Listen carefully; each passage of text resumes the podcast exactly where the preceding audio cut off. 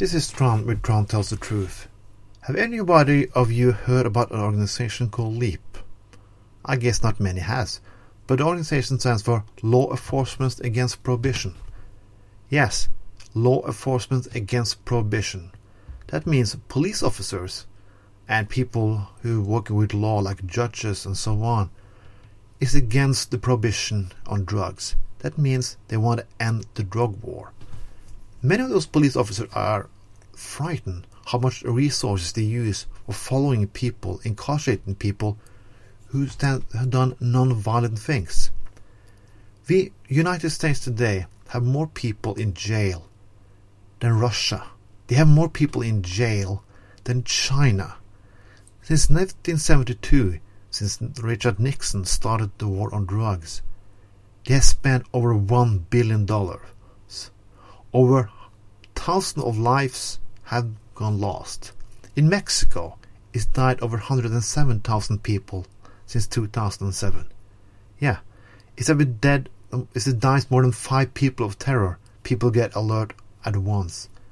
107,000 people against the war on drugs in Mexico, not a problem. You may agree with me that drugs isn't a good thing. Drinking isn't a good thing. A lot of things is not good for you. But putting people in jail because they have a drug problem or choose to use something else than alcohol, is not right. We can hate things, but we cannot put people in jail because of everything we don't like people are doing and doing to themselves. You have a responsibility for your own body. There was a case here in Bergen not far ago about a, about a child molesting case.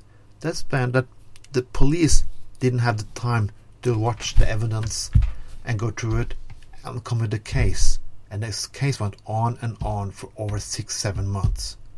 But at that time, they had taken some high school kids for cannabis and make a big deal about that. Yes, some high school kids who smoking cannabis are more important than a child molester. That's incredible.